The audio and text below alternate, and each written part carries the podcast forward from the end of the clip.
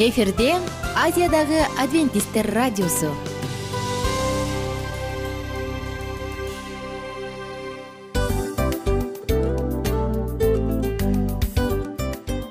Достор салют. Баардык сүйүктүү угармандарыбызга салам айтабыз. Кутман күнүңүздөр менен. Ден соолук өмүрдүн булагы демекчи саламат саамы программасында баарыңыздарды көргөнүбүзгө абдан кубанычтабыз. Анда алгач амандашып өтөлү арбаңыздар деп. Ден соолугуңуздар кандай элибизде көбүнчө ден соолук кандай дегенде эле жакшы деп жооп беребиз э? ооруп турсак дагы жакшы дейбиз. Анан мен муну айтып ойлойт элем бул абдан сонун сөз депчи анткени бул жакшы деген үмүт да э ооба баары жакшы болот. Баары сонун. Деп үмүттөнүп атып эле өзүбүздү өзүбүз дарылап коебуз. Анысы кандай? Сиздин дагы ден соолугуңуз жакшы беш деген үмүттөбүз чындыгында ден соолук бул өмүрдүн булагы деп бекеринен айтылган эмес деп ойлойм. Кыргыз элинде анткени эгерде ден соолук жок болсо анда адамдын жашоосунда калган баардык керектүү маңыздуу нерселер өзүнүн баалуулугун жоготуп коет. Ошондуктан ден соолук бул эң керектүү нерсе. Ооба туура айтасың кесиптешим. Чынында ден соолугуң жок бир эки үч күн ооруп калсаң эле э кандай болуп калат? Жашоодо көз каранды болуп каласың көп нерсеге жетишпей каласың көп нерсени кыла албай каласың жада калса эшикке дүкөнгө да чыга албай каласың. Туптуура анан ден соолук болсо демек биз биздин бактыбыз тотой деп койсок болот. Анда достор саламат саамы рубрикабызды баштайлы. Алдыда өзүңүзгө керектүү болгон сонун кеңештерди уга аласыздар. Мына ошондуктан биз менен бирге болуңуздар. Ал эми биз болсо милан жана айнура. Кеттик алга. Алга саламат саама ден соолуктун жарчысы. Саламат саама ден соолуктун ачкычы. Күн сайын сиз үчүн мыкты кеңештер сонун жаңылыктар кызыктуу фактылар биздин рубрикада.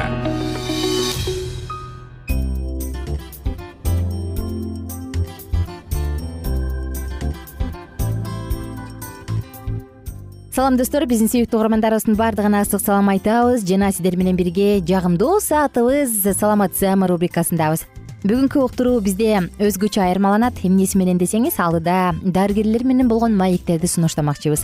Сөзсүз түрдө достор адамдын ден соолугу биринчи байлык. Муну ар бирибиз билебиз. Адам өзүнүн ден соолугу үчүн баардыгын кылат. Анан тилекке каршы ден соолуктан айрылган учурда колунан эч нерсе келбейт экенин түшүнүп ах аттиң ай деп баш бармагын тиштейт э? Муну көбүнчө ата апаларыбыз чоң ата чоң энелерибиз ай балам жаш кезде ден соолукту карма бутуңа жылуураак кий деп мага көп айтышачу эле да ушинтип менин чоң ата чоң энелерим. Башыңда жылуу кийин кышында жылаң баш жүрбө үшүп каласың. Ай кызым жуунуп алып эшикке чыкпа деген сыяктуу көп кеңештерин айтчу эле. Албетте биз булардын көбүн кулагыбыздын сыртынан кетирип коебуз бирок чындыгында кенедей кезибизден баштап ден соолукка туура кам көрүп туура тамактана турган болсок анда канчалы деген оорулуу коркунучтуу оорулардан алыс оолак болобуз. Жана албетте иштеп тапкан акчабыз дары дармек эмес өзүбүзгө өзүбүздүн жеке муктаждыктарыбызга жумшалат ошондуктан достор мен каалайт элем ар бир угарманыбыз жашоодо туура тандоолорду жасап ден соолугунун камын көрүп жүрөгүндө тынчтыкты сактап стресс депрессиядан ашыкча тынчсыздануудан алыс болуп көп нерсени жаратканга ишенип тапшырып коюп жашоодо мындай бактылуу күндөрдө жыргалчылыкта жашаса деген үмүтүм бар алдыда биз сиздер менен дарыгерлер менен болгон маектерди сунуштайбыз сиздерге. Жана сөзсүз түрдө бул уктурууларды уккан соң өзүңүзгө тыянак чыгарып мүмкүн ден соолукта кайсы бир жерине ремонт жасап э баягы тамашалап айтканда кайсы бир жерине көңүл буруп кайсы бир жери кыйкырып жаткан болсо мага көңүл бур деп ага көңүл буруп коюу абдан зарыл. Ошондуктан каалайт элем достор. Оорубаңыздар өзүңүздөрдүн саламаттыгыңыздарга кам көрүңүздөр деп жана сөзсүз түрдө өзүңүздөрдү сүйүңүздөр деп анда алдыда сиздер үчүн жагымдуу маек жана сонун сонун маалыматтар булардын баардыгы сиздер үчүн. Саламат саама рубрикасы тыңдап жатканыңыз ар бир угармандарына ар бир угарманыбызга мыкты маанай жана сонун көңүл жана түшүнүктүү маалыматтарды сунуштайбыз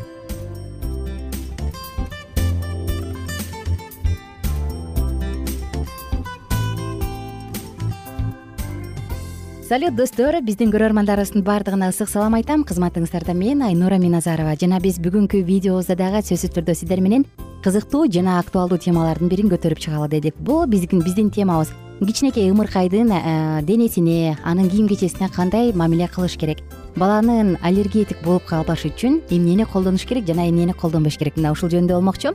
Жана албетте биздин төрүбүздө коногубуз бар. Бүгүнкү биздин темабызга сонун жооп бере турган коногубуз эне жана баланы коргоо улуттук борборунун педиатр аллергологу калия туратбековна. Саламатсызбы. Саламатчылык ден соолугуңуз иштериңиз жакшыбы рахмат жакшы баары. Сизди көргөнүбүзгө абдан кубанычтабыз. Мен дагы. Анда биз мурунку темабызды эле уланталы э биз Улантып кетелик, ооба. кандай майларды колдонуш керек кандай майды колдонбош керек баланын денеси кандай болушу керек жана кандай айнаа менен кир жууш керек? Мына ушул жөнүндө сөз кылып атканбыз албетте бул ымыркайлардын э ымыркай деп бир эки жашка чейинки балдарды айтабызбы көбүнчө ошол ымыркайларга карата. Анда сөз сизде ымыркай балдардын денеси өтө жумшак болуш керек. Эч качан кургабаш керек.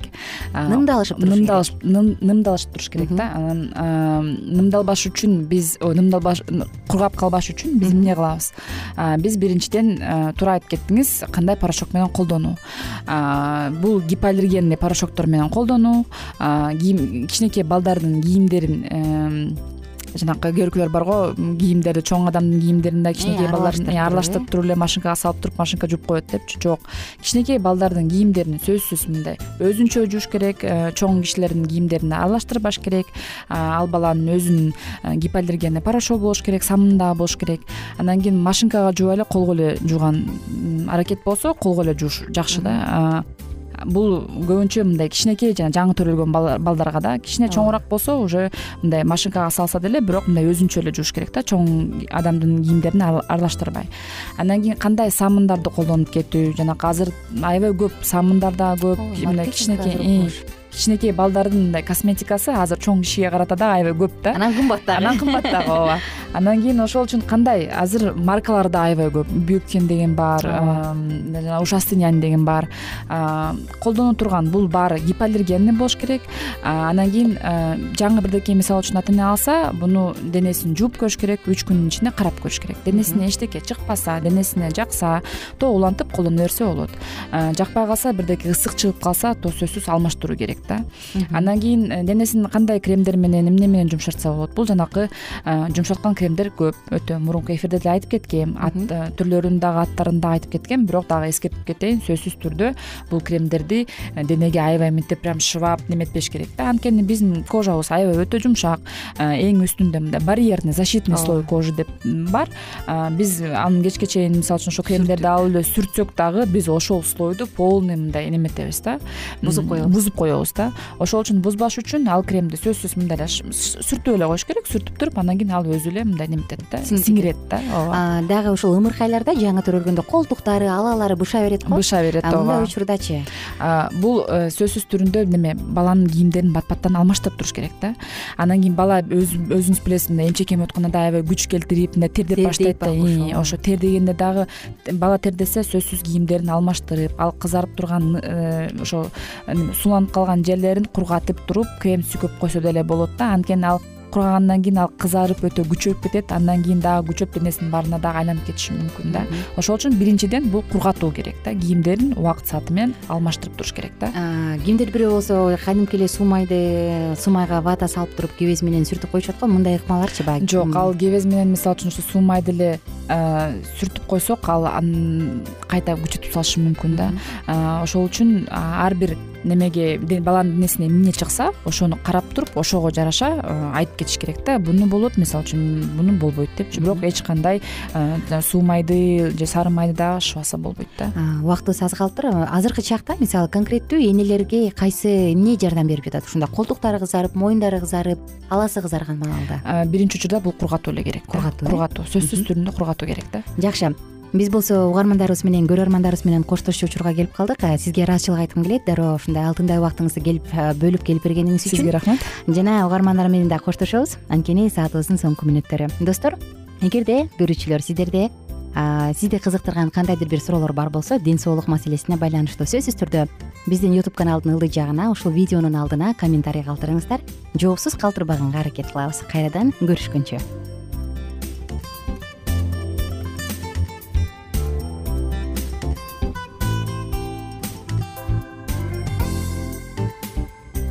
кененирээк маалыматтар үчүн үч w чекит саламат чекит клуб сайтына келип таанышыңыздар.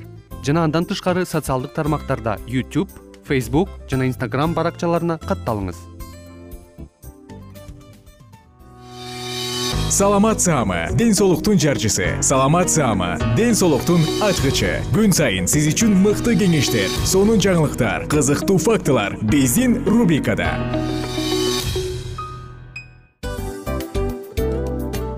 салам достор. Кайрадан биздин сүйүктүү рубрикабызга кош келиңиздер деп айтмакчыбыз.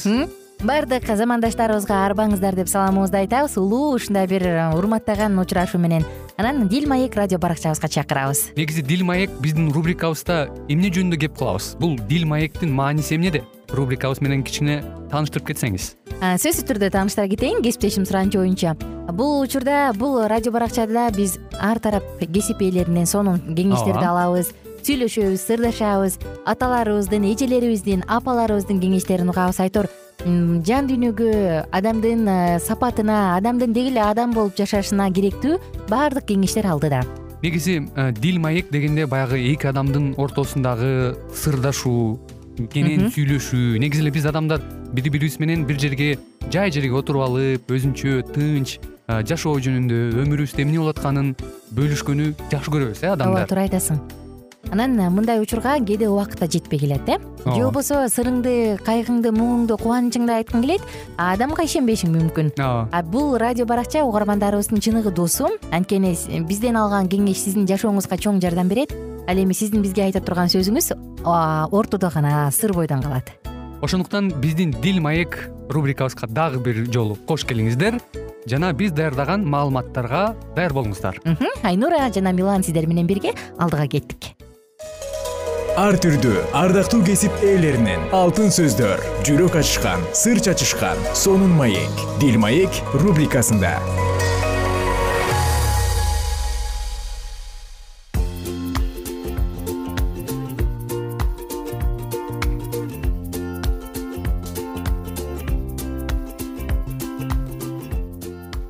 саламатсыздарбы? Кадырлуу замандаштар сүйүктүү угармандар жалпыңыздар менен кайрадан дил маек рубрикасында үн алышканыбызга кубанычтамын.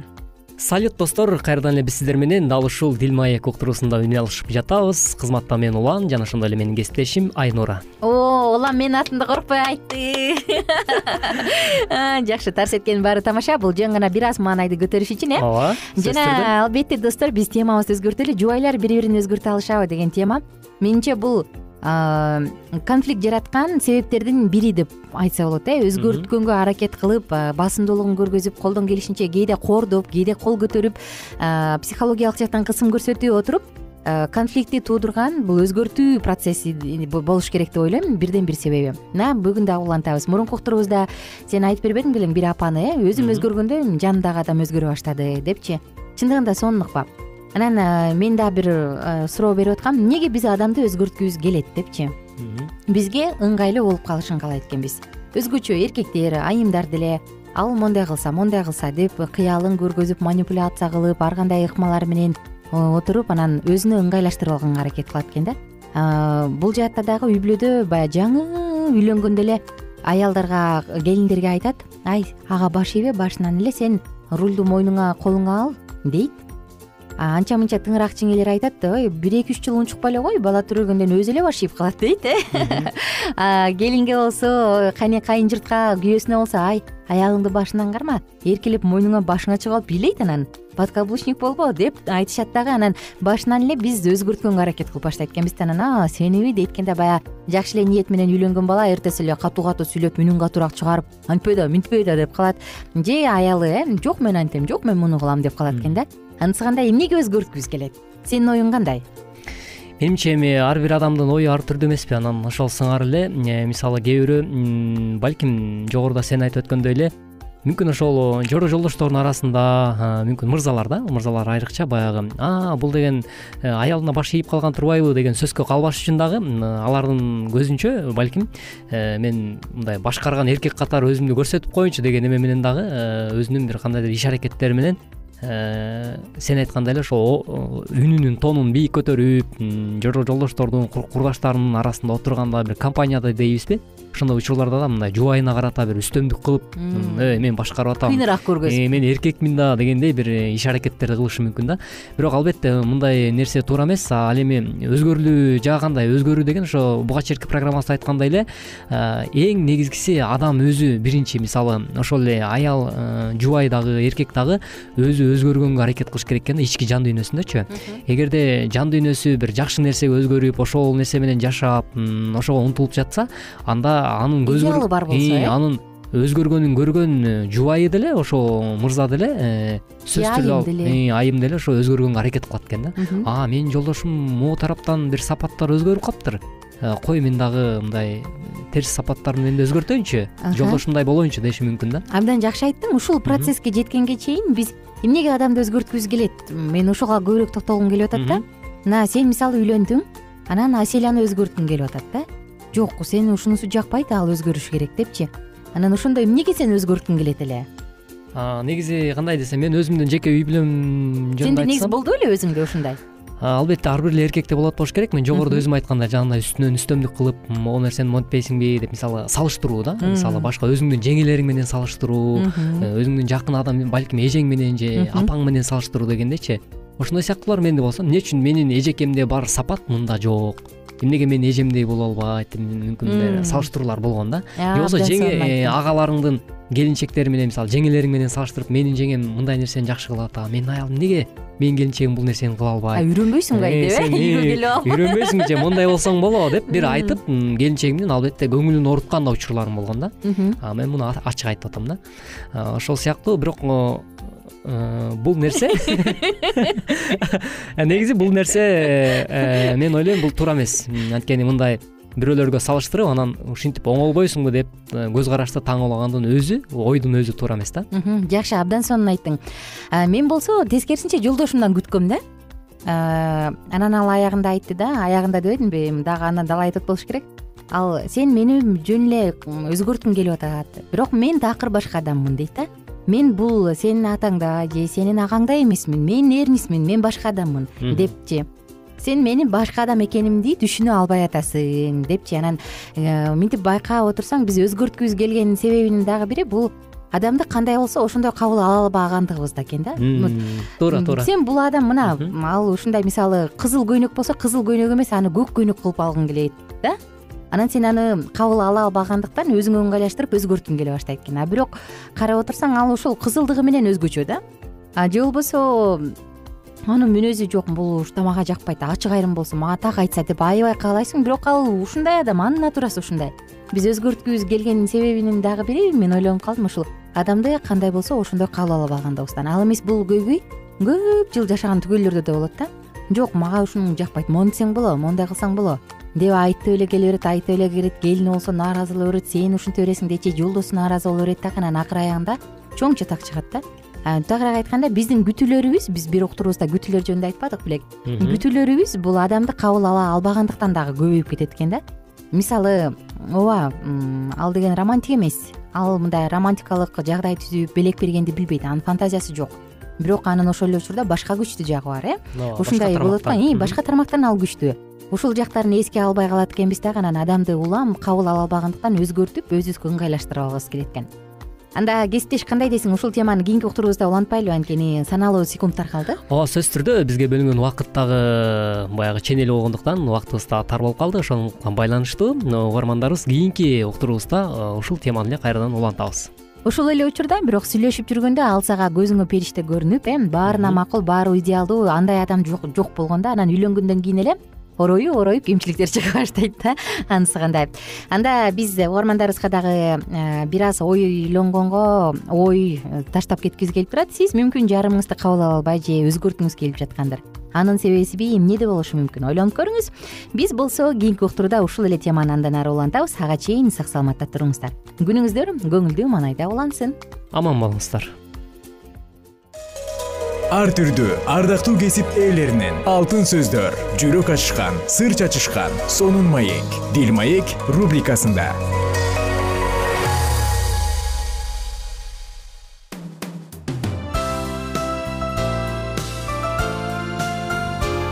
Эфирде азиядагы адвентисттер радиосу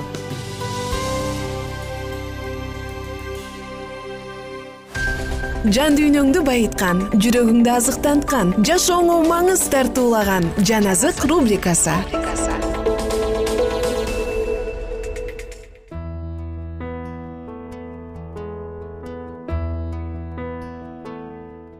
Кутмандуу күнүңүздөр менен урматтуу угармандарыбыз кайрадан эле сиздер менен э, жан азык уктуруусунда кездешип жатканыбызга өтө кубанычтабыз. Бүгүнкү программабызда биз сөз кыла турчу темабыз абдан сонун бүгүнкү темабыз. Ыраазылык ыраазычылык жөнүндө кылабыз э? Жашооңдо ыраазы болууга үйрөн.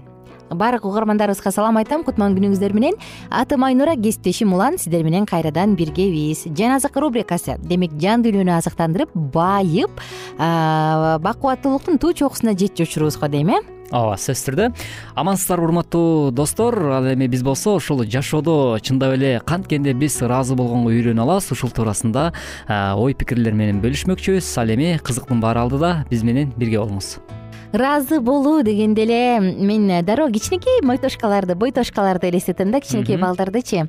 Жөнөкөй эле беш сомго чупа чуп салып берип койсоң кичинекей шоколад йогурт алып берип койсоң тим эле сүйүнүшүп кубанышат го. Анан эс тартып ал канча сом экенин билгенде ал болгону беш эле сом экенин билгенде ой чупа чуп беш сомго элеби дейт дагы чоңураак нерсени үмүттөнөт э. Күнүнө мүмкүн элүү сомдук э, баягы он сомдук стаканчык балмуздакка ыраазы болуп жүрсө кийин эс тарткандан кийин элүү сомдугун андан кымбат жегиси келет. Анан ошентип отуруп эс тарткан сайын улам улам ал чоңураак нерсени талап кыла баштайт. А карасаң кичинекей баланын ыраазы болгонун чуркап келип бетинен өөп эркелетип аны менен ойноп койсоң тим эле бактылуу болуп өзүн укмуш сезип калат э? Ооба. Анан ыраазы болуу ушу кичинекей балдардан көп байкайм да ушул нерсеничи мен өзүм кызымды дагы аябай эркелетип ойноп койсом тим эле кубанып жыргап калат. Бир аз колуң бошобой ага көңүл бурбай калсаң мүнөзүн көргөзө баштайт да. Мага качан көңүл бурасың деп деп сигнализация иштей баштайт анан кой дейсиң.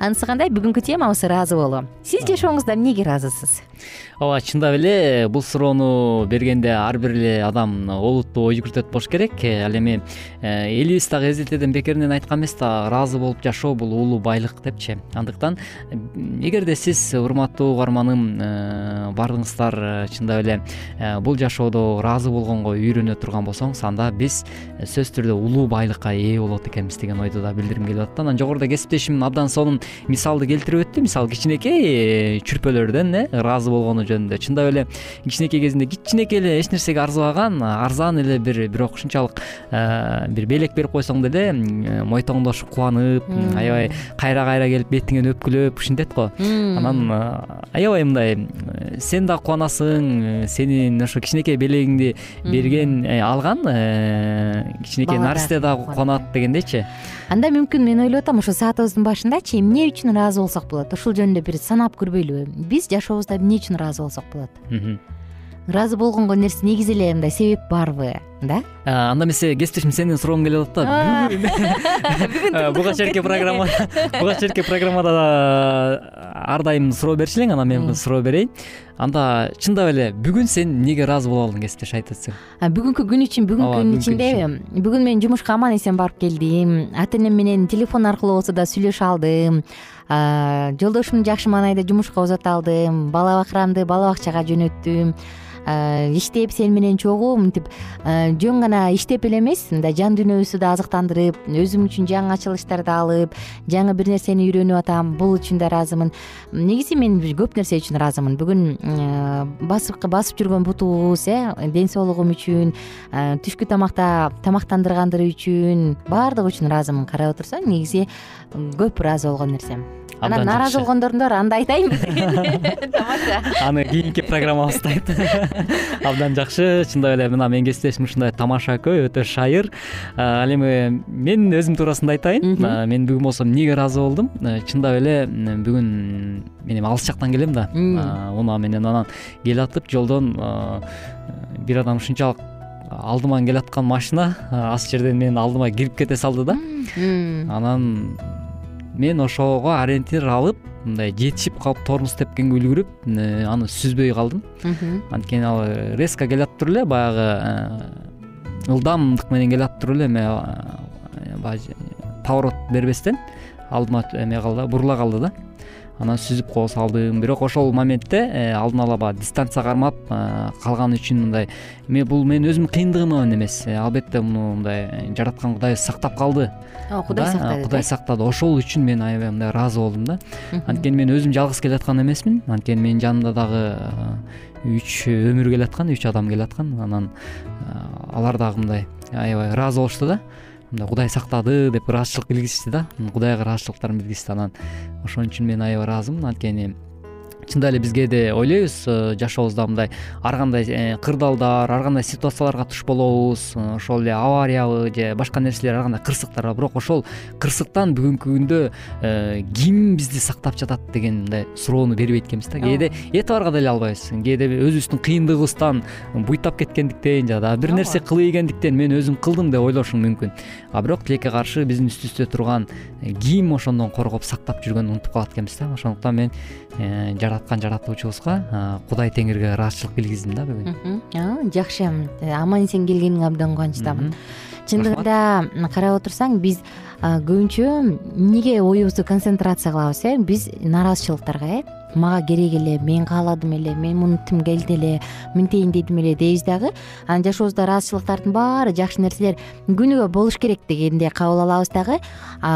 Биз жетишпей же биздин каалообуз орундалбай калган нерсеге эмнеге дейбиз дагы анан нааразы боло баштайбыз э? Чындыгында бул жашоонун реалдуу көрүнүшү бирок кичинекей нерселерден бери ыраазычылык айтып эртең менен эрте туруп алып о кудай ушу аалам жерди жараткан кудай сага мен рахмат айтам ушул бүгүн ойгонгонум үчүн. Деп ойгонгонгондон ар бир көз ирмем үчүн ыраазычылык айткан адамдар бар да. Карап отурсаң ыраазы болгон адамдар чын эле бактылуу адамдар деп айтасың да карап турупчу ал эми нааразы болгон адамдар баягы канча болсо деле дагы болсун дагы болсун дагы болсун дагы болсун дей берет дагы ыраазы болгон эмне экенин унутуп калат баягы кошуласыңбы э? Ооба сөзсүз түрдө? Достор биздин карамагыбызда аз гана мүнөттөр калды. Ыраазы болуу жөнүндө бүгүнкү темабыз. Сиз дагы жашооңузда эмнеге ыраазысыз эмне үчүн ыраазысыз мына ушул жөнүндө ойлонуп көрүңүзчү ал эми урматтуу угармандар ушуну менен убакыт э, чектелүү болгондуктан биз э, кийинки уктуруубузда дагы бул туурасында сөз кылмакчыбыз. Ал эми сиздер болсо ыраазы болгонго ар дайым э, умтулуңуздар деген тилекти билдиребиз. Эмнеге ыраазысыз? Анда жазып коюңуз ойлонуңуз жана өзүңүз үчүн бир чоң ачылыштарды жасаңыз. Бүгүнкү күн үчүн ыраазы бололу жана сиздер менен коштошобуз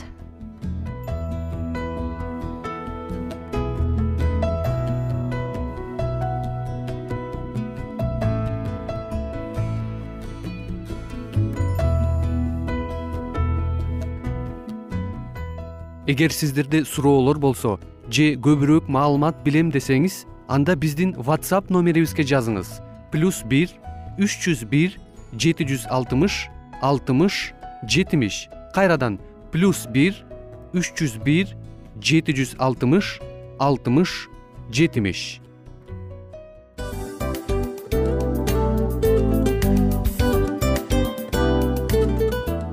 достор биздин радио баракчаларыбыз соңуна келди. Демек бул программабызды дагы жыйынтыктачу келдик. Учурга келдик. Анан кесиптешимден сурагым келип турат. Негизи эле иштин башталып атканы кубандырабы сени же жыйынтыгы кубандырабы? Албетте жыйынтыгы. Себеп дегенде сен кылган ишиңдин жыйынтыгын көрүп э, баягы мөмөсүн көрүп дегендей жыргайсың жүрөгүң жемишинен тартып э кандай даамдуу деп. Баягы буудай сепкенде эмес буудай эгинди жыйнагандан кийин ысык нанды жегенде кадимкидей ырахаттанасың го ой айтпа туура айта кеттиңиз. Сонун салыштыруу болду анан мен дагы абдан кубанып турам. Анткени биз угармандарыбыз үчүн аябай эмгектенип келген уктуруубуздун соңуна келип калдык. Анан эми уктуруубуздун соңунда угармандар кандай пайда алып калды экен деп күтүп турам да. Балким э, менин жашоомо өзгөрүү киргизе турган сонун сөздөр болду мен ушул нерсени изилдеп анан кабыл албасам ушул нерсени кылбасам деген чечим чыгарсаңыз анда биз абдан кубанычтабыз. Сөзсүз түрдө. Андыктан кийинки биздин кызыктуу уктурууларыбыздан көрүшкөнчө сак саламатта калыңыздар. Чыдамсыздык менен сиздерди мен милан жана кесиптешим айнура күтөбүз. Баардык угармандарыбызга ийгиликтүү күн каалайбыз. Качан гана болбосун уртуңуздан жылмаюу кетпесин үйүңүздө көмүр жүрөгүңүздө көңүл болсун дейли